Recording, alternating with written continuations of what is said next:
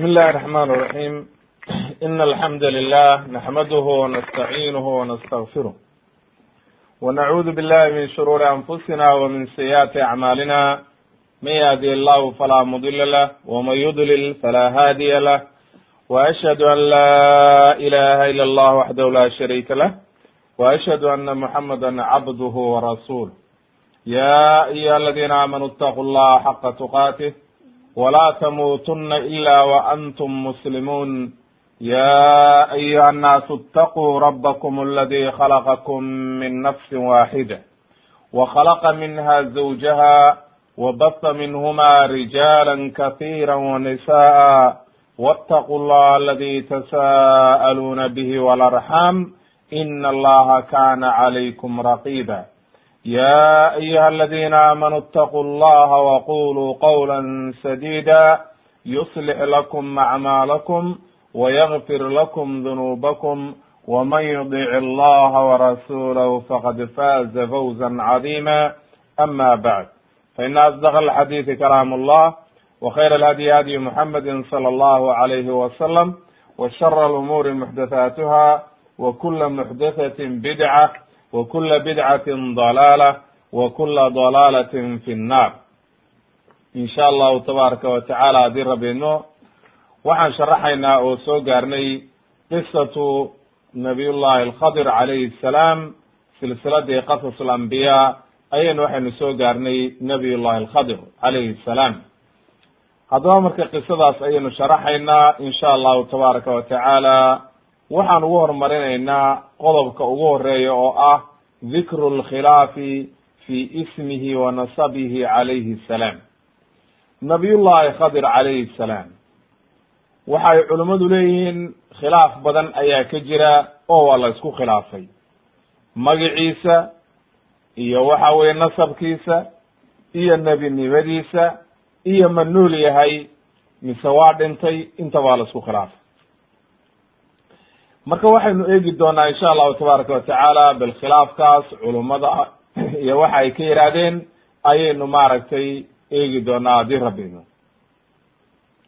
qaala ibnu kathir raximah llah waxa uu yihi ama alkhadiru khadir nabiyullahi khadir calayhi salaam waxaa inoo soo hormartay faqad taqadama ana musa calayhi salaam raxala ilayhi fi talabi ma cindahu min alcilm nabiyullahi muusa qisadiisa markaynu ka sheekeynayna fi suurati alkahfi waxa ay ka sheekeysay nabiyullahi khadir calayhi salaam nabiyullahi muusa calayhi salaam inuu dalabulcilmi uu u rartay oo tegey oo waxa weeye uu aaday nabiyullahi khadir isaga oo cilmi ka dalbaya oo waxa weeye doonaya.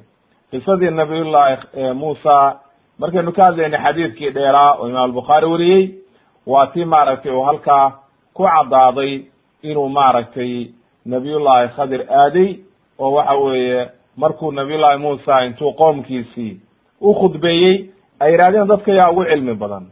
Uu yihi markaa aniga markaa ilaahay ku canaantay oo maadaama uuna dhihin allahu aclam ilaah baa garanaya ilaah baa ku canaantay oo la yidhi addoon addoommadeyda ka mid ah oo kaa cilmi badan baa jira markaasuu weydiistay ilaahay oo yidhi see baan ku gaaraa kalluun qaado baa la yidhi. Markaa kalluunkaa meesha aad ku weydid ayuu joogaa. Kabacdi marka markuu nabiyullahi khadir nabiyullahi muusa markuu soo aaday halkaa waxay suuratu alkafi ilahay inooga sheekeeyey alkafi qisadoodii oo dhamaystiran waana soo marnay oo waxa way halkaasan ku soo sharaxnay. Haddaba marka xadiidkii sariixa ahaana waa inoo caddeeyey inuu ahaa ninkaas aaday nabiyullahi muusa calayhi salaam nebigii reer bani israa'iil ee sida qaarkood ay leeyihiin ma ahayn ee muuse kalau ahaa inuu yahay qowl daciifa wuxuu yihi marka ibnu kathir raximahullah waqad ikhtulifa fi fi lkhadir fi ismihi.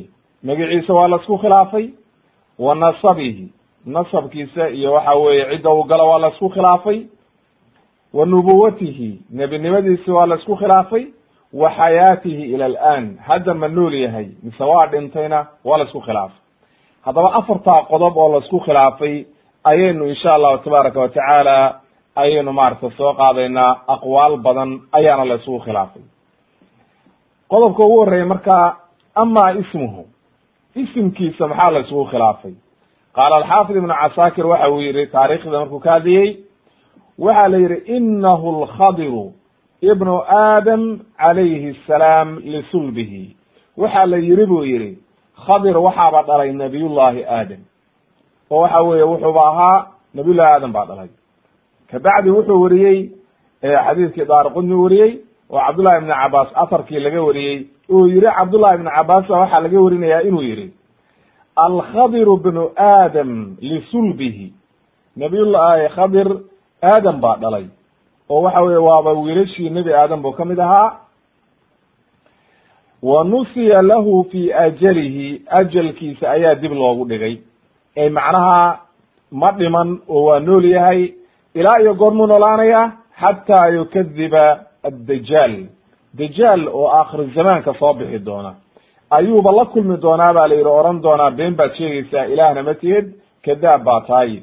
Haddaba aharkaasi waa athar munqadica oo daciifa wey waxaana ku jira sanadkiisa nin la yidhahdo muqatil ibnu sulayman oo waxa weye kadabuuhu maaragtay ahlulxadiid culamaa lxadiid way beeniye waxay ninkaa waa beenlow oo axaadiis beena iyo aathaar beena ayuu soo naqliya marka maadaama xadi atharka uu ku jiro sanadkiisa nin beenlow ah oo matruuka oan la qaadanayn waxa weye qowlka marka cabdullahi ibni cabaas looma tirin karo waa daciif wey haddaba halkaa waxay nooga caddaatay inuu qowlka oranaya khadir waxaa dhalay nabiyullahi aadam inuu yahay qowl daciifa oo been ah oo aan waxba ka jirin.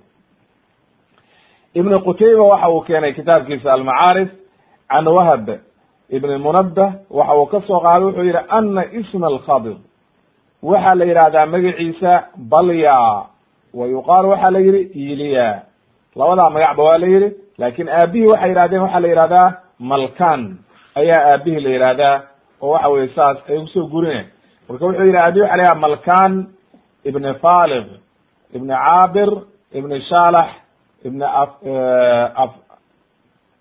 arfakshada oo ninkii waxa weeye magacaadka oo arfakshada oo nabiyullahi u dhalay sam ibn nuux. Marka wiilka nebiye badan baa ku abtirsadaa nabiyullahi ibrahim iyo kulli laga soo bilaabo in badan baa gasha oo waxaa la yidhaha magaciisa arfakshada ayaa la yihahdaa sam ibn nuux baa dhalay ba la yihi ninka. Marka wuxuu geliyey wahab waxa uu geliyey maaragtay sam ibn nuux inuu galo ayuu sheegay. Oo waxa weye halkaa ayuu ku abtirsadaa marka reer bani israailna ma ahayn khadir oo waxa weye ka mid ma ahayn. Waayo nabiyullahi muusa calayhi salaam markuu reer bani israail la joogay khadar jiha kaluu joogay. Oo marka isagoo khadir ka mid ma aha reer bani israail nebiyadii reer bani israailna ka mid maaha sida inoo imaan doonta marka uu weydiinayo nabiyullahi muusa markuu salaamo oo oran doono salaamta xagee ka keentay markaa oran doono muusa baan ahay marka uu yihi nebiyu bani israail miyaa tahay? Marka sidaa daraaddeed ma ahayn reer bani israail nabiyullahi qadir calayhi salaam sidoo kale waa qaala ismaaciil ibnu abi uways waxa uu yihi ismu lkhadir fi ma balaganaa inta sidana soo gaartay waxaa la yihahdaa magaciisa almucamar ibnu malik ibnu cabdallah ibnu nasr ibn ibnu azdi ayaa la yihahdaa bu yihi marka waxa uu leeyahay maaragtay saasaa la yidhaha magaciisa almucamar ibnu malik ayuu ku magacaabay ayaa la yihahdaa wa qaala kayru waxay yihahdeen khadirun ba la yihahdaa magaciisa. Aabihiina waxaa la yihahdaa camyaayil ayaa la yihahdaa oo wuxuu galaa bay yihahdeen camyaayilkaas ayaa waxaa dhalay alfiyaza ibn ciis. Marka alciiswa ama ciis alciis ama alcays ama ciiswa ninkaas waxa weeye isxaaq ibn ibrahim baa dhalay oo nabiyullahi isxaaq ayaa dhalay wuxuu la dhashay ninkii la odhan jiray maratay shu yacquub calayhi salaam iyo alcays ayaa walaal ahaa. Marka nabiyullahi yacquub waxaa ka farcamay ba layihi reer bani israail oo waa waadix waa soo cadaynay in badan waxa weeye ciiswana waxaa ka farcamay nin nimankan la yidhaahdo room oo waxa weye ruumiyiinta dadkan cadcad oo waxa weye dadkan maaragtay yurubiyaanka ayaa ku abtirsada sidaa daraaddeed waxaa halkaa kaaga caddaanaysa nimanka reer bani israa'iil oo yahuudda iyo waxa weye nimankan yurubiyanka waxa weeye laba walaalaa ayay ku aftirsadaan oo yacquub ayay reer bani israa'iil ku aftirsadaan maaragtay qoladaana waxay ku abtirsadaan alcays ibnu isxaaq ama ciisuwana way dhahaan ayay ku abtirsadaan.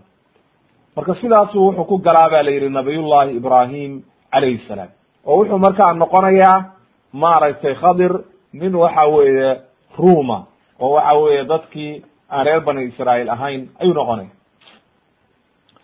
wa qiila waxaa la yidhi inahu ibnu malik waa la yidhi qaarna waxayba yidhaahdeen nabiyullahi ilyas ayuu walaal la ahaa. Huwa akhu ilyas ayay dhaheen qaalahu imaamu suddi ayaa yidhi.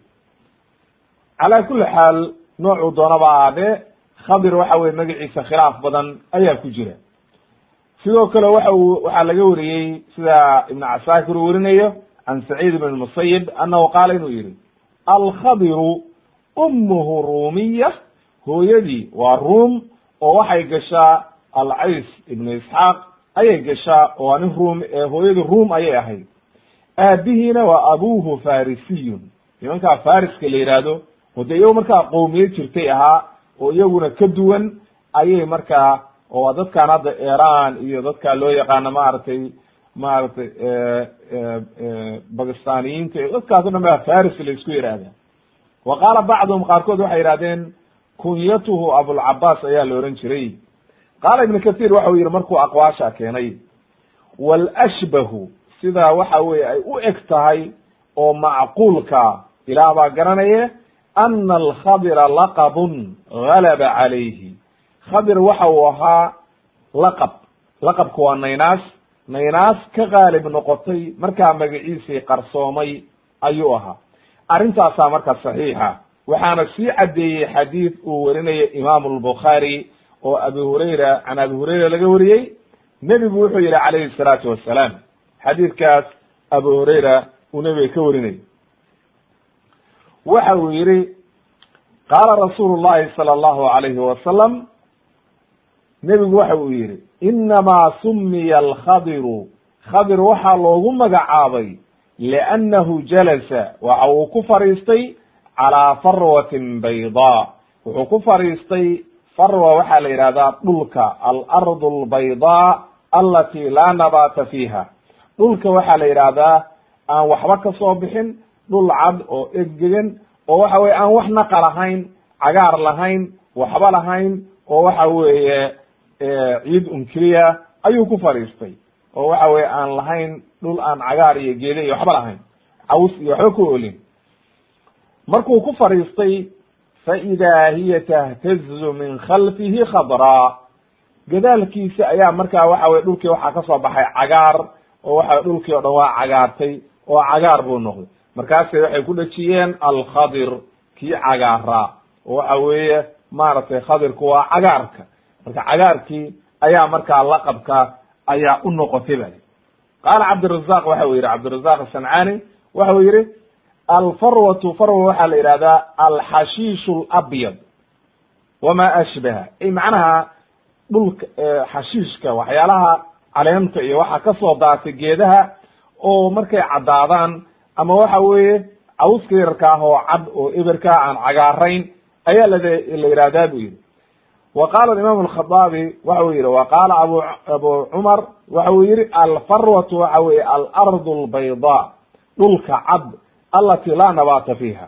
Dhul macnaha ebera oo qalalan oo aan wax cawsa iyo wax naqa midna ku oolin ayaa la yidhaahdaa alfarwa. Haddaba qodobkaa waxaa halkaa inooga caddaaday. Nabiyullahi khadir calayhi salaam magiciisa waxaa ku jira khilaaf fara badan lama garanayo magiciisii oo saxiixa. Laakiin waxaa inoo caddaatay alkhadir inay tahay laqab. Oo waxa weeye sidaa loogu bixiyey maadaama uu dhulkii cagaartay oo awoodda ilaahay dee qudradda ilaahay uu ku cagaartay laakiin meeshii uu fadhiistay ahayd ayaa markaa waxaa lagu dhejiyay alkhadir. Qodobka labaad dikru lkhilaafi fi nubuwati alkhadir calayhi salaam ayaa qodobka labaad ku soo qaadayna nebinimadiisii waa la isku khilaafay iyadana. Haddii marka magacii la isku khilaafay nebinimadiina waa la isku khilaafay. Ma nebi buu ahaa mise nebi ma ahayn? Qaala imaamu ibnu kathir raximahullah waxa uu yihi waxa uu yihi waxaa inoo soo hormartay markaan nabiyullahi muusa ka sheekeyneynay inuu nabiyullahi muusa iyo yuushac markay israaceen calayhim assalaam markii ay tageen lamaa rajaca yaqusaani alatar macnaha markii ay gudbeen oo yihi maaragtay nabiyullahi khad nabiyullahi muusa calayhi salaam aatinaa kada'na laqad laqina min safarina hada nasaba qaala ara'ayta in aweynaa ila sakrati fa inii nasitu lxuut wama ansaanihu ila shaydaan an adkurah waاtakada sabiilahu fi lbaxri cajaba fartadaa calaa aathaarihima qasasa meeshaa markay soo noqdeen marka oo waxa weye intay markii hore ballantii la siiyey baa waxay ahayd nabiyullahi muusa ilaahay uu siiyey meeshaad kalluunkaa ku weydid. Kalluunkaa kolayga kuugu jira oo saadka ku ah oo aad cunaysaan. Markaad weydid oo kaa fakado meeshaasuu joogaa khadi ninkaas aad ka helaysid halkaasuu joogaa. Halkii marka meel bay ku nasteen oo waa seexdeen wiilkii uu ujeeday marka yuushac uu ujeeday kalluunkii oo dembiishii ka baxay buu arkay oo badda galay. Uu la yaabay marka. Kabacdi marka wuxuu rabay inuu u sheego wuu ilaawey marka. Way socdeen markay cabaar muddo soconayeen ayuu daalay nabiyullahi muusa. Markaasuu kabacdi u sheegay. Way soo noqdeen marka. Kabacdi markay soo noqdeen bay u yimaadeen oo meeshii ugu yimaadeen. Isagoo maradiisa intay isku duuduubay waxa weeye halkaa hurda nabiyullaahi muusa calayhi salaam markaa wuu salaamay oo salaam ti islaamka ayuu salaamay assalaamu calayka ayuu yihi fakashafa can wajhihi. Intuu maradii wejiga iska qaado wacalaykum assalam yiri ayuu wuxuu yihi anna biardika asalaam.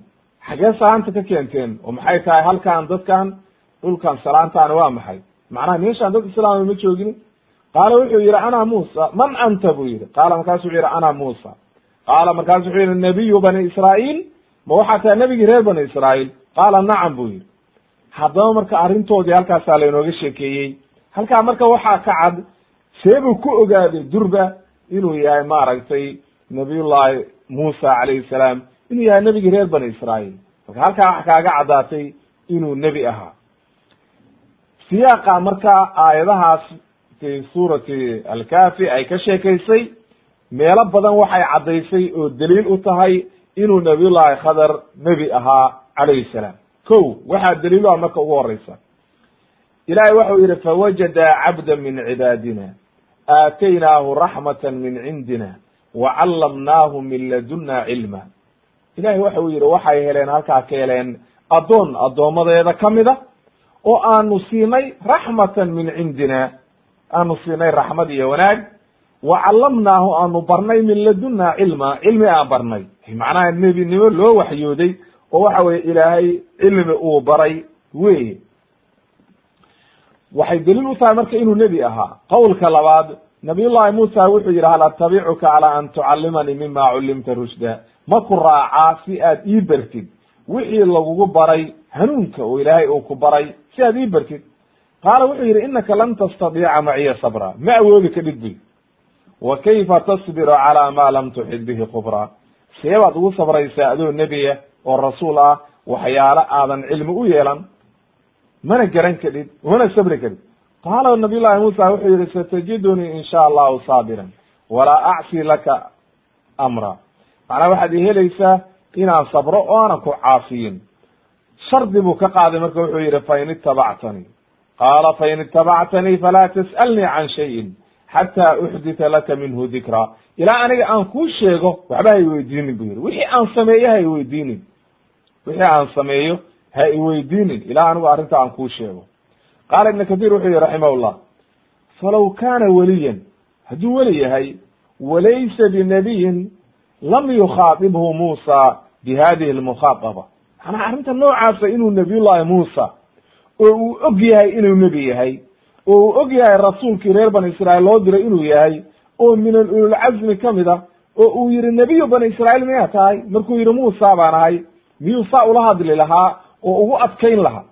Ima ima adkaysan kadhib ima sabri kartid su'aal ha iweydiinin su'aale ad adag marka ayuu halkaas shuruudo adag buu ka xiray. Walam yarudda calaa muusa hada radd maaragtay nabiy llahi muusana tawaaduca uma sameeyeen ninaan nebi ahayn oo waxa weye ka cilmi cilmi lahayn oo waxa weye maaragtay addoon iska caadiya oo waxa weye ama weliya ama maaragtay maaragtay nin cilmi ilaahay siiye laakiin aan rasuul ahayn. Leanna nabiy llahi muusa baa ka fadli badan oo waxa weye ka derajo sareeya saa ulama hadleen marka. Waxay caddaysay marka halkaa inuu nabiy llahi muusa ogaaday inuu ninkaan yahay nebi ilaahay doortay oo waxa weye la derajo ah oo waxa weye maaragtay nebi. Falaw kana gayra nabiyin lam yakun macsuuma leanna hadduuna nebi ahayn hade macsuum ma aha. Walam takun muusa waxa weeye wa huwa nabiyun cadiimun wa rasuuluhu macnaha isagoo rasuul ah oo waxa weye nebiya oo la soo diray. Inuu raqbo u yeesho oo uu dalbo oo cilmi ka dalbo ninka noocaasa waxa weeye arrintaasi ma dhacdeen hadduu og yahay inuusan nebi ahayn.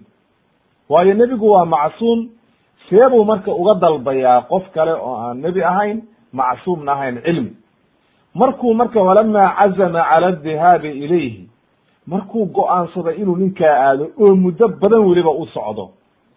Wuxuu yihi maaragtay laa abraxu xataa abluga majmaca albaxrayn o amdi xuquba. Inaan sanooyin badan socdo ilaa aan ninkaa ka gaaro kama zuulaya bu yihi maaragtay xuqubkaana waxay culamadu ku tilmaameen ilaa iyo siddeetan sano inaan soconayo ilaa aan ninkaa helo intaasoo dhan marka waxay caddaysay maadaama nabiyullahi muusa uu saa ugu dadaalayey inuu ahaa ninkaasi fadalla cala anahu nabiyun mitlu nebi lamida inuu ahaa oo ilaahay u waxyoodo ayay arrintaas oo dhan caddaynaysaa oo waxa weye uu nebi ahaa waqad khusa min alculuumi culuum gaarana lagu gaar yeelay oo waxa weeye maaragtay una nabiyullahi muusa ogeyn. Leannahu nabiyullahi muusa waxa waxaa sugnaatay macnaha. Markii uu ka sheekeynayey nabiga alayh salatu slam xadiidkii dheeraa oo bukhaari u wariyey markii ay waxa weye doonta fuuleen inuu shimbir yarayi intuu soo dul fuulay doontii uu badda geeskeeda biyo hal mar ka kabaday intuu qoriga ku fadhiistay. Markaasu wuxuu yihi muusow cilmiga adiga lagu siiyey kan la isiiyeyba cilmiga ilaahay agtiisa yaalla shimbirkaa intuu badda ka qaaday oo kale ma dhama macnaha ilaahay cilmigiisa cid kasta hadduu siiyo cid gaari karta cid dhamayn karta male intaasoo dhan marka waxay ku caddaynaysaa inuu nebi ahaa oo waxa weye nabiyullahi khadr nebi ilaahay doortay u ahaa midda saddexaad oo haddana daliil u ah ana alkhadira aqdama calaa qatli dalika algulaam wiilkaa yarkaa dalika algulaam wiilkii yaraa oo saqiirka ah oo aan qaan gaarin ayuu dilay. Markay la kulmeen wiilkii oo waxa weeye ay wiilki u yimaadeen ayuu dilay. Oo waxa weye wiilkii buu dilay. Nabiyullahi muusa marka waa yaabay wuxuu yihi ma wiil baa dilaysaa? Aan dembiba lahayn. Oo waxa weeye aan wax dembiyaba gelin. Kabacdi markaa waatuu yihi alam aqul inaka lan tastadiica maya sabra. Miyaanan oran ima awoodi karin oo arrinteeda uma dulqaadin kartid. Waa cududaartay marka nabiyullahi muusa wuxuu yihi bes wey mar dambe ku weydiin mayo maanta iyo cududaar intaasoo marka waxay kutusaysaa nb haddii wiil ninkaana uuna nebi ahayn rasuulna ahayn loo waxyoonoo la oran wiilkaa dil ilaahay uuna u waxyoon hadde waxa weeye qisaas buu noqon lahaa. See buu maaragtay nabiyullahi muusa oo rasuul ah oo ululcazmiya oo waxyi u imaanayo in hortiisa lagu sameeyo dembi oo qof la dilo aan dembi lahayn suurtagal ma. Marka waxyi min allah weye markaasuu ogaaday nabiyullahi muusa marka arrintaa waxay kutusaysaa daliil waadixa. Inuu nebi ahaa oo waxa weeye arrintaasi oo maaragtay waxyi min allahi ay ahayd. Ee weli uusan ahayn. Haddii la yidhahdo weli bu ahaa dee weligu macsuum ma aha weligu dadka iska layn mayo weligu hadduu qof dilo awliye kasta uu yahay wa waxa waa la qisaasaya waayo uma banaana inuu qof dilo leanna cidina uma waxyoonin oo allihii subxaana qaadirka ahaa ma oran arrintaas samee way. Halkaa marka waxaa ka caddaatay intaasoo dhan inuu ahaa weli maaragtay nebiyun min alambiya waxaa kaloo u sii daliila maaragtay nabiyullahi khadr calayhi salaam markuu wiilkii dilay haddana markaa waxa uu yihi wama facaltu can amri aniga arrintanba umaba samaynba arrintayda maaha ee waxa weeye waa arrin allihii subxaana qaadirkaa uu maaragtay amray wey sidaa daraaddeed marka waxay kuu caddaynaysaa inay arrintaasi tahay nebi min alambiyaa inuu yahay. Way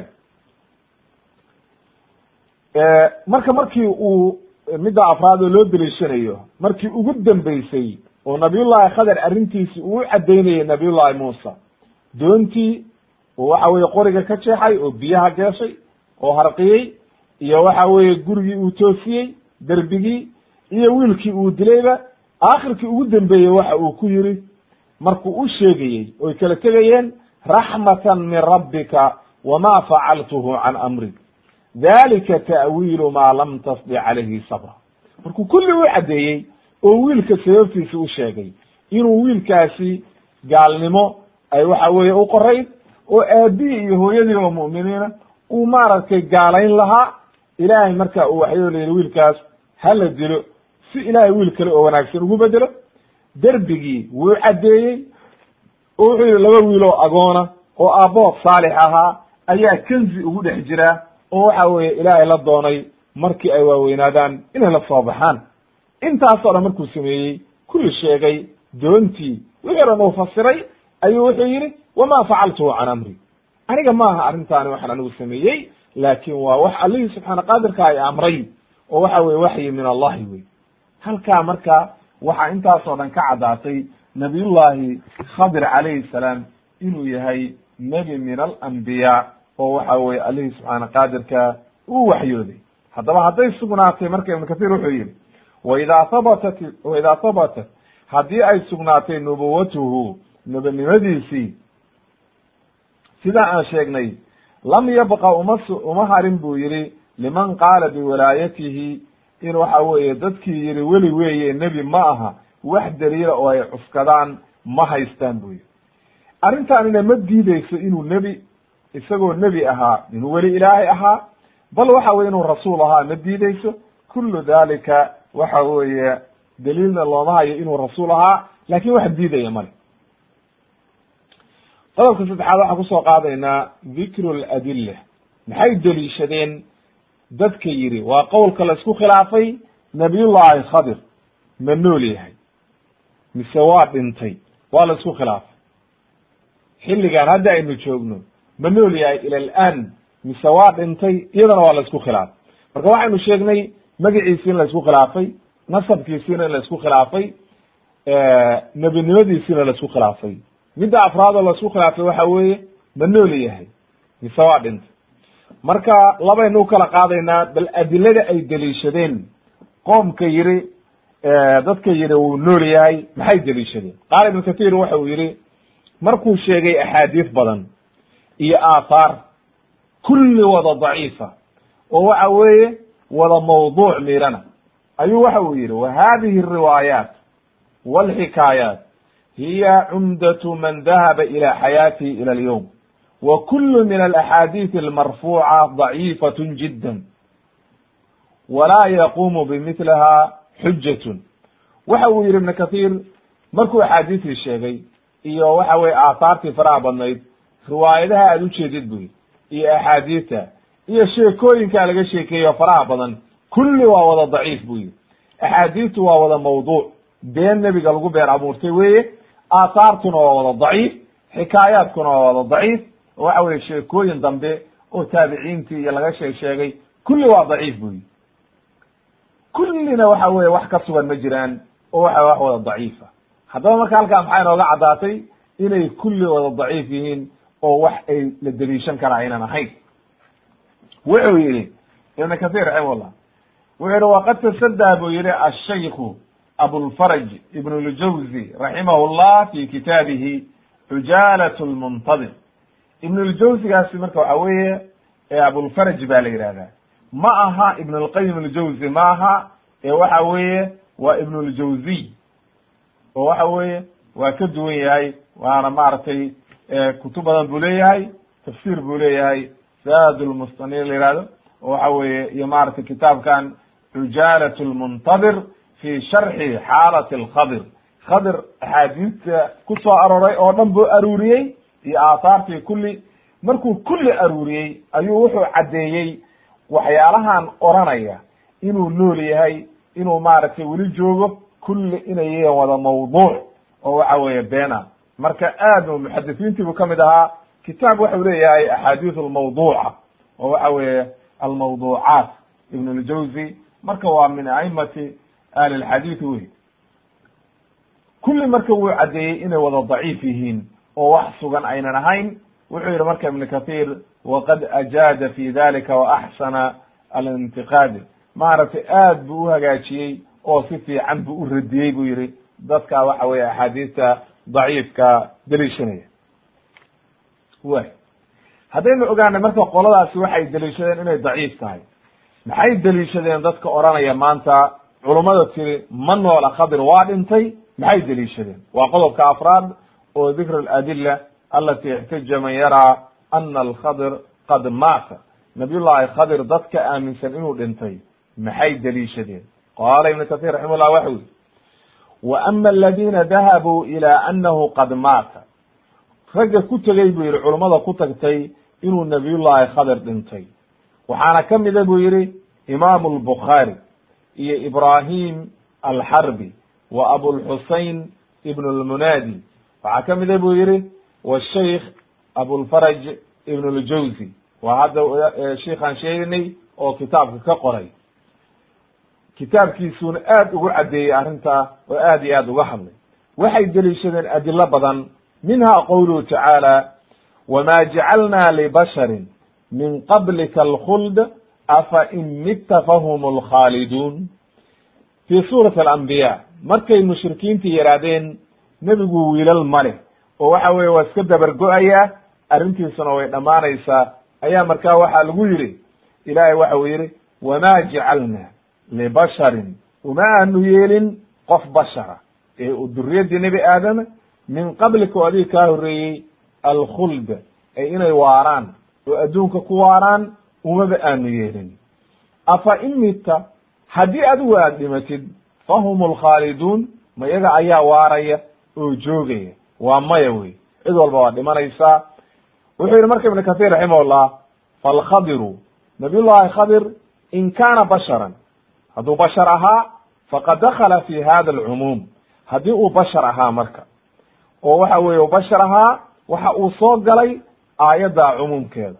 oo waxa weye aayaddaa tiri wama jacalna libasharin waa caam weye qof ilaahayga subxaana qaadirka nabiyullahi aadam laga soo bilaabo ilaa qiyaama saaca qof noolaanaya ma jiro. Qof walba muddo un baa la siiyey waana dhimanaya. Oo qof walba cumri kastaa la siiyo. Nabiyullahi nuux oo kun sano noolaa waxa weeye waa uu dhintay. Nabiyullahi aadam oo kun sano noolaa waa dhintay. Kulli waa la dhimanaya marka qof walba cumrigiisu in ha ahaado laakin waa la wada dhimanayaa oo geeridii waa la dhedheminaya kullu nafsin dhaa'iqat lmowt mowtkii ayay naf walba dhedheminaysaa wey. Haddaba marka hadduu bashar ahaa oo waxa weeye qof bini-aadmiya uu ahaa aayaddaa cumuumkeeda ayuu soo galay oo waxa weye daliil lama hayo marka. La yidhaahdo ilaa khadir mooye. Khadir isaga cumri dheer baan siinay lama oran karo marka waayo daliil looma hayo way. Qowlka labaad oo la deliishaday waxa weye adilada labaad qaala allahu tacala ilahi waxa uu yihi waid akhada allahu mithaaqa annabiyiina ilaah xus baa la yihi nebiga markii ilaahay uu ka qabtay nebiyadii oo dhan balan lamaa aataytukum min kitaabin. Haddii aan ida siiyo kitaab wa xikmatin iyo nebi maaragtay dee xikma oo waxa weeye sunnaha iyo waxa weeye xikmadda iyo nebinimada. Haddii layda siiyo oo nebi layda ka dhigo rasuul layda ka dhigo uma jaa'akum uu idin yimaada rasuulun rasuul musadiqun rumaysan lima macakum waxa weeye waxa agtiina yaal waa nebi maxamed calayhi salaatu wasalaam sida ay maarata ku fasireen cabdullahi ibn cabbaas iyo inoo imaan doonta. Latu'minunna bihi latu'minunna bihi walatansurunna inaad rumaynaysaan oo u gargaaraysaan ballan ku qaada buu yihi qaala a aqrartum? Arrintaa ma qirteen oo ballan ma ku qaadaysaan? Wa akhadtum calaa dalikum isrii. Ballan adag halkaa maydinkaga qaadaa oo waxa weye ma ka ballan qaadeen. Qaaluu aqrarna? Waan qirnay bay dheheen arrintaa. Waa fulinayna. Ballan weeye inaan haddii noo yimaado inaanu fulinayno.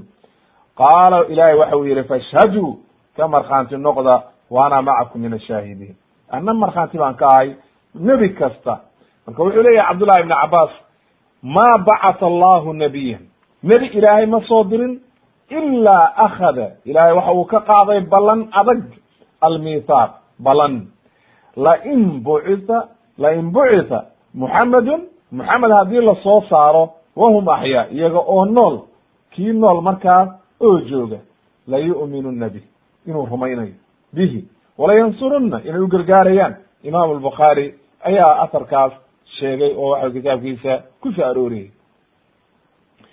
Qaala ibnu kathir raximahullah waxa uu yihi fain kana alkhadiru haddii uu khadir marka noolaa hadduu nebi ahaa oo waxa weye uu nebi yahay ama weli ahaa faqad dakala fi hada almithaaq ballantaasuu soo galay oo waxa weye waa inuu ballantaasu galay oo waa ku jiraa ballantaa falaw kaana xayan fi zamani rasuuli llahi sala allahu alayh wasalam haddii uu nebiga xilligiisii noolaa lakaana ashrafa axwaalihi an yakuna bayna yaday. Waxa ugu fiicnaan lahayd maalintaa inuu yimaado oo nebiga u yimaado oo waxa weeye wax la qabto oo rumeeyo oo dhinac istaaga nebiga calayhi salaatu wasalaam. Wayansuruhu uu gargaaro oo waxa weeye arrintiisa uu caddeeyo oo waxa weeye acdaadii iyo nimankii dhibayey waxa weye uga heliyo leannahu in kaana nebiyan waajib bay ku tahay inuu yimaado haddii uu weli ahaana fasidiiqu afdalu minhu macnaha sadiiqnimada ayaaba ka sii fadli badan oo waxa weeye weligu cid kastaa noqon karta laakin sidiiqnimadu waa kor wey marka sida abubakr sidiiq oo kale iyo ayaaba ka sii fadli badan marka marka wa in kana nebiyan nebi hadduu ahaana nabiyullahi muusa baa ka fadli badan nebiguna wuxuu yihi calayhi salaatu wasalaam waladii nafsii biyadihi. Allihii waxaan ku dhaaranayaa naftaydu gacantiisa ku jirte low anna muusa kaana xayan haddii nabiyullahi muusa maanta noolaan lahaa maa wasicahu ilaa an yatabicanii uma banaanaadeen wax kale inuu aniga iraaca mooye. Oo diinteeda uu qaato oo aniga isoo raaca mooye wax kale uma banaanaateen sidaa daraaddeed marka maadaama nabiyullahi muusa oo ka fadli badan oo waxa weeye ka derajo sarreeya oo waxa weeye ululcazmi ka mid ah uu nebigu leeyahay uma banaanaateen wax kale inuu aniga iraaca mooye. Xaggee joogaa marka nebi khadar iyo waxa weeye ciddii maaragtay lamidaba waa inay markaa wuxuu yihi marka ibn kathir waqad dallat ilaayatu aayaddu waxay kutustay iyo waxa weye maaragtay xadiidkuba ana alambiyaaa kulluhum. Nebiyadii oo dhan haddii la yidhaahdo faradan macnaha. Maaragtay kaba dhigba inuu nebiyadii oo dhan la yidhaahdo maanta waa nool yihiin.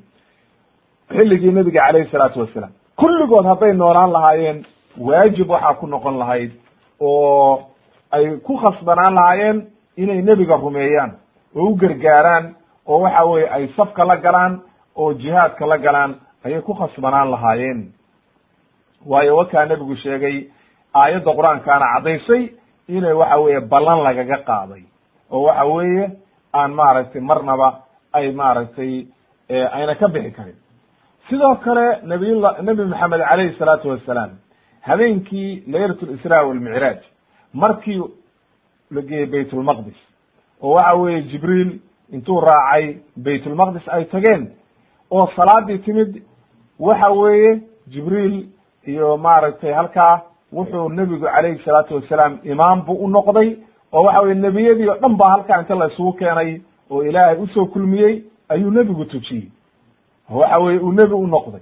Haddaba waxay kutustay marka inuu yahay anahu alimaamu alacdam nebigu inuu yahay imaamkii rususha oo dhan oo nebiyada oo dhan inuu u yahay iyo mu'miniinta oo dhan uu imaam u yahay sala allahu alayhi wasalam haddaba fa idaa culima hada wa huwa macluumun cinda kuli mu'min. Qof walba oo mu'mina wuxuu ictiqaadsan yahay inuu nebigu yahay waxa weeye imaamu lmu'miniin iyo waxa weye ambiyadii iyo rusushii oo dhan inuu u yahay. Culima anahu law kana alkhadiru xayan lakana min jumlati ummati muxamedin sala allahu alayhi wasalam haddii uu nool yahay marka oo xilligan uu joogo ama xilligii nebiga joogay hadda wuxuu noqon lahaa wuxuu ka mid yahay ummaddii nebi maxamed calayhi salaatu wasalaam. Wuuna ku dayan lahaa nebiga waana u imaan lahaa waana la tukan lahaa. Oo waxa weye nebiga ayuu raaci lahaa. Uma banaanaateen inuu isdhuunto oo uu qarsoomo. Waxaa kaloo u sii daliila nabiyullahi ciisa calayhi salaam oo ululcazmi ka mida shanta rusul oo waxa weeye ululcazmiga aakhiru zamaan markuu soo dego yaxkumu bi hadihi shariica diintan islaamka ayuu wax ku xukumaya. Lama imaanayo diin cusub. Kamana baxayo. Nebi maxamed buu raacaya wuxuuna noqonayaa ummadda nebi maxamed shaksi ka mida oo waxa weye buu raacaya. Bal marka uu soo dego oo salaada la aqimo wuxuu odhanayaa imaamku kaalena tuji. Markaasuu leeyahy maya idinkuna tujiya. Adinka waxa weeye ayaa a'imo isku ahaa. Ilaahay baa idinku sharfay wey sidaa daraaddeed marka intaasoo dhan waxay kutusayaan nabiyullahi khadr calayhi salaam inuu maaragtay noolayn. Sidoo kale waxaa macluuma nabiyullahi khadr calayhi salaam lam yunqal bisanadin saxiixin walaa xasanin sanad saxiixa. Xadiid iyo athar toona laguma hayo xilligii nebiga. Inuu noolaa oo u yimid nebiga oo maalin la kulmay oo nebiga rumeeyey ama uu la kulmay midna lama hayo. Mana u imaanin dagaalna kalama qayb gelin mana imaanin weyn sidaa daraaddeed maalintii beder oo waxa weeye nebiga calayhi salaatu wasalaam markuu ducadiisa ay ka mid ahayd ilaahay uu beryey ay ka mid ahayd allahumma intahlik hadihi lcisaaba. Haddaad maaragtay kooxdan cusba ama cusaaba waxaa la yihahdaa kooxda dadkan saxaabada yarka oo saxaabadii nabiga calayh salatu salaam saddex boqol iyo dhowr iyo toban ahayd oo mushrikiintii oo kuna hortaagan tahay ilahu haddaad maanta kuwan halaagtid oo waxa weye nasrigaaga iyo guushaada aadan u soo dejin hadda cid dambe ardada kuga caabudi mayso laa tucbadu bacdaha fi lardi cid ku caabudaysa male oo waxa weeye muslimiintii cid kaloo islaama ma jirin maalinta. Oo meeshii joogta. Xadiidka imaam muslim baa werinaya wuxuu kutusaysaa marka nabiyullahi khadar haddii uu noolaan lahaa muxuu qeybtaa uga soo qeybgeli waayey oo halkaa u imaan waayey. Leanno halkaa waxaa joogay saxaabada raggi ugu waaweyna abubakar iyo cumar iyo nebiga calayhi salaatu wasalaami ayaa hogaaminayay. Malaa'igtiina raggii ugu waaweynaa baa joogay oo jibriil iyo maaragtay malaa'igtii o dhan baa joogtay.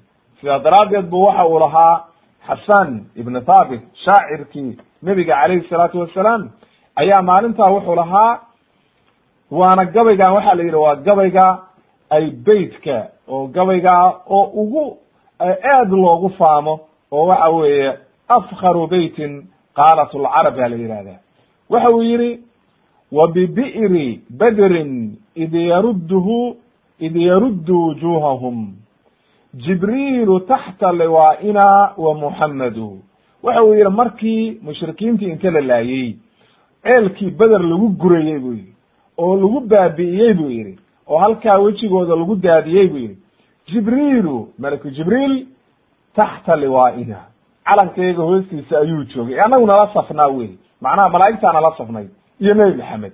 Labadii nin waxa nebi maxamed oo khayru khalqi illaahi oo basharka dhan ugu khayr badna oo waxa weye maaragtay sayid waladi aadam ah iyo jibriil oo malaa'igtao dhan hogaamiye oo waxa weye ugu sharaf badan oo ugu qiimo badan oo sayid lmalaa'ika labaduba annaga nala safnaayeen bu yihi marka ibn kathir wuxuu yihi falow kana alkhadiru xayan hadduu nabiy llahi khadir noolaan lahaa oo maalinta uu noolaa sharaf iyo wanaag waxa u ahaan lahayd inuu meeshaa yimaado. Oo maalintaa ka qayb galo dagaalka oo ghaswatu beder uu ka qayb galo.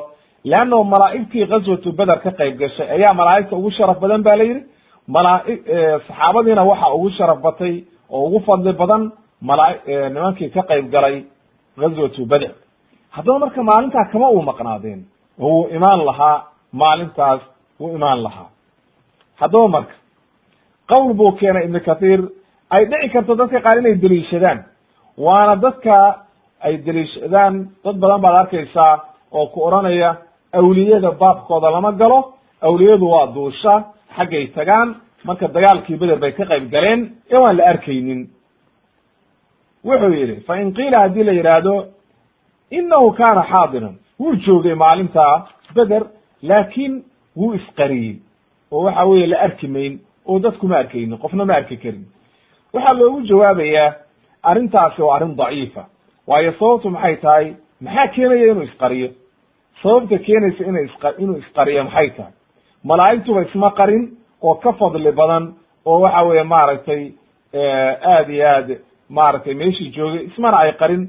Sababtu marka isku qariyay maxay? Tahy waa kalaam daciifa marka in la yidhaahdo wuu isqariyey bal waxa u qiimo badnaan lahayd oo sharaftiisa kor u qaadi lahayd inuu ismuujiyo oo yimaado maalinta oo dagaalkaa ka qayb galo. Ayaa sharaf iyo wanaag oo dhan u ahaan lahayd.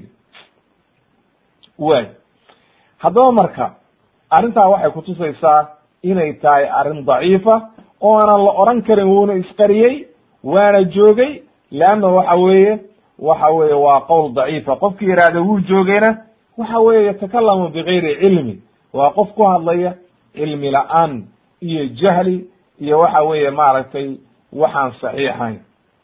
Way marka axaadiista daciifka oo makduubada oo beenta nebiga loo tiiriyey iyo aahaarta beenta oo dadkii mubtadicada ahaa bidcada ay sameeyeen waxa weeye aqwaashaas in laga dheeraado oo laga dheeraado wey waayo waxaa arkaysaa qaar baa ku oranaya suufiya suufiyadoo kale awliyaan ahay waan duulaa waxaan joogay dagaalkii beder seeftaasi maalintii beder bay igu dhacday intuu nabar ku tuso. Dadka masaakiinta ayaa lacagta lagaga gurtaa waxaasina wax saxiixa maaha oo waxa weye sida inoo imaan doonta axaadiistuna ay caddaynayso arrintaasi waa arrin aan saxiixayn waxaana sugnaatay maaragtay fi saxiixayni ku sugnaatay xadiidkii cabdullahi ibni cumar. Waxa uu yihi nebiga calayhi salaatu wasalaam ayaa hamayna tujiyey buu yihi salaadii cishaha markaasuu waxa uu yihi markuu salaadii tujiyey ara'aytum buu yihi ka warrama. Laylatukum haadihi hameenkan caawa laga bilaabo fa inahu ilaa mi'ati sana laa yabqa miman calaa wajhi alardi alyawma axadun macnaha boqol sano caawa laga bilaabo adduunka qofna ku hari mayo caawa nool. Inta caawa nool boqol sano caawa laga bilaabo waa wada dhimanaya. Qof dhaafaya ma jiro boqolkaas sano. Wa fii riwaayatin waxay ahayd caynun tadrifu. Macnaha il ilmaba ilma ka timaado. Macnaha il noolba macnaha qof walba oo nool boqol sano caawa ka bilaabata waa wada dhimanaya. Ayaa noolaanaya intii kabacdi dhalata jiilka dambe. Marka waxaa la yidhahdaa jiilka xilligaas mar buu dhammaadaa jiilku waa dhammaadaa jiil waxaa la yidhahdaa boqol sano ciddii wada nool qarni. Qarnigaasi marka waa dhammaanaya. Marka qarnigii nebiga calayhi salaatu wasalaam waxa weeye boqol sano ayuu ku dhammaaday oo waxa weeye boqolkaas sano markii taariikhda la tiriyey waxaa la yidhi habeenkaa laga bilaabo boqolkaas sano nin saxaabiya oo dhaafay ma jirin. Iyo nin nebiga arkay oo xilligaa dhaafay yuuban saxaabiba ahaane ama gaal haado ama cid kale ha ahaadee way cabdullahi ibni cumar wuxuu yihi marka saxaabadii waa nexeen aad bay u nexeen laakiin nebigu wuxuu u jeeday calayhi salaatu wasalaam inkhiraama inkhiraama qarnihi qarnigiis inuu dhammaanayo sarbeeb bay ahayd. Sidoo kale imaamu axmed xadiis uu werinayo wuxuu yihi nabiga calayhi salaatu wasalaam ka warrama hameen hameenkan fa ina calaa ra'si mi'ati sana boqol sano caawa ka bilaabata. Laa yabqa miman calaa dahri alardi axadun qof adduunka caawa jooga noolaan mayo oo waa dhimanayaan boqolkaas sano gudahooda ayay wada dhimanayaan. Waana xadiis maaragtay waxaa weriyey imaamu axmed waa xadiis saxiixa. Si sheekh albani ku caddeeyey fi saxiix aljaamic sideed boqol toddobaatan iyo ko w haddaba marka axaadiista daciifka in la isku mashquuliyo maaha axaadiistaas saxiixa. Ayaa waxa weye qaala ibnu jawzi waxa uu yihi fa hadihi alaxaadiis asixaax taqdacu daabira dacwa xayaati alkhabr waxay goynaysaa oo afka maaragtay ay soo afjaraysaa qofkii yihahdo khadir waa nool yahay ayay daliil ku tahay xujo ah oo waxa weye ay kalaamkiisa burinaysa. Uma qaala ibn kathir raximah waxa uu yihi falkhadiru in lam yakun qad adraka zamana rasuuli llahi sala allahu alayh wasalam khadir haddii uu soo gaarin nebigii xilligiisii oo ka hor uu dhintay taasi dood kama taagna waaba tegey oo waa dhintay ilahay unaxariisto wa in kaana qad adraka zamanahu xilligii nebiga hadduu soo gaaray fa hada alxadiid xadiidkaana yaqtadii annahu lam yacish bacda mi'ati sana xadiidkaani wuxuu keenayaa boqolkii sano inuu dhintay marka. Oo waxa weye boqolkaas sano gudahoodii uu dhintay oo kabacdi una sii noolaanin. Fa yakunu alana mafquudan marka laa mawjuudan. Xilligaan marka nabiyullaahi khadr ma joogo waayo kun iyo afar boqol iyo ziyaada la maraya dhowr iyo labaatan sano. Marka waxa weye nabiyullahi khadr calayhi salaam hadduu xataa xilligii nebiga noolaa kaba dhigba dadka odhanaya wuu noolaa haddii loo raacaba warkooda oo la yidhahdo xilligii nebiguu noolaa oo wuu soo gaarayba boqolkaas sano gudahoodii u dhintay. Oo waxa weye boqolkaas sano sida saxaabadii u dhamaadeen ayuu isna u dhamaaday oo waa socday. Haddaba marka raximahullah alle u naxariisto nabadgelyana dushiisa ahaato nabiyullahi khadr waa dhintay. Waayo daliil looma hayo qofkii yidhaahda maya isagu ma dhiman. Hadda wuxuu noqonayaa qof qowlkii nebiga beeniyey oo isagu yidhi anaa ka cilmi badan nebigii daliilna aan haysan marka qofkii yidhahda nebigu wuxuu leeyaha boqolkaa sano gudahooda. Qof walba oo caa maanta ku nool dhulka waa dhimanaya. Caawa laga bilaabo. Boqol sano laga gaaro inta caawa nool waa dhimanaya. Oo waxa weye ma gaarayaan oo boqolkaas sana ay dhamaanaya marka waxaa laga yaabaa dadkii markaa saxaabadii joogay qaar baa konton jire ah lixdan jire ah waa wada dhinteen. Qaar baa toban jire ah waa dhinteen. Qaar baa markaas waxa weeye carruur ahaa waa wada dhinteen intayna boqolkii gaarin. Haddaba marka saxaabadii ugu dambeysay nebiga taariikhdiisa markii la tiriyey kulli boqolkii sano waxaa la yidhi kulli qof dhaafay ma jiro oo waa socdeen. Halkaa marka daliil waxay u tahay nabiyullahi khadir calayhi salaam inuu dhintay. Ama aqwaasha daciifka iyo waxyaalaha israa'iliyaadka iyo waxyaalaha beenta axaadiista beenta oo la jamciyey iyo waxa weye maaragtay aathaarta beenta oo laga abuuray waxyaalaha caqiide xumada oo la leeyahay haweenadii buu soo baxa meelahaasuu wareega dadku wax siiyaa waxaasoo dhan wax jira ma aha. Waa qowl baatila say uleeyihiin saxiixina ma aha oo waxa weye kalaamkaasi waa kalaam baatila. Waayo waxaasoo dhan wax ka jira oo ma jiraan daliilna looma hayo saxiixna ma aha allihii subxaana qaadirkaana ma anzala allahu biha min suldaan haddaba ma jiro. Allihii subxaana qaadirkaa waxau leeyahay wama jacalna libasharin min qabl min qablika alkhuld. Afa in mitta fahum alkhaaliduun qof bashara oo dhan noocuu doona ha ahaado waa dhimanaya. Kullu nafsin daa'iqat lmowt qof aan dhimanaynin ma jiro qof walbana waa dhimanayaa qof noolaanayana ma jiro. Ama in la yidhaahdo khadir haddii la isku khilaafay hadde waxa weye maaragtay qowlna waa qowl daciifa qowlna waa qowl saxiixa. Qowlka saxiixa waxa weye khadir waa dhintay xilliguu doona ha dhintee.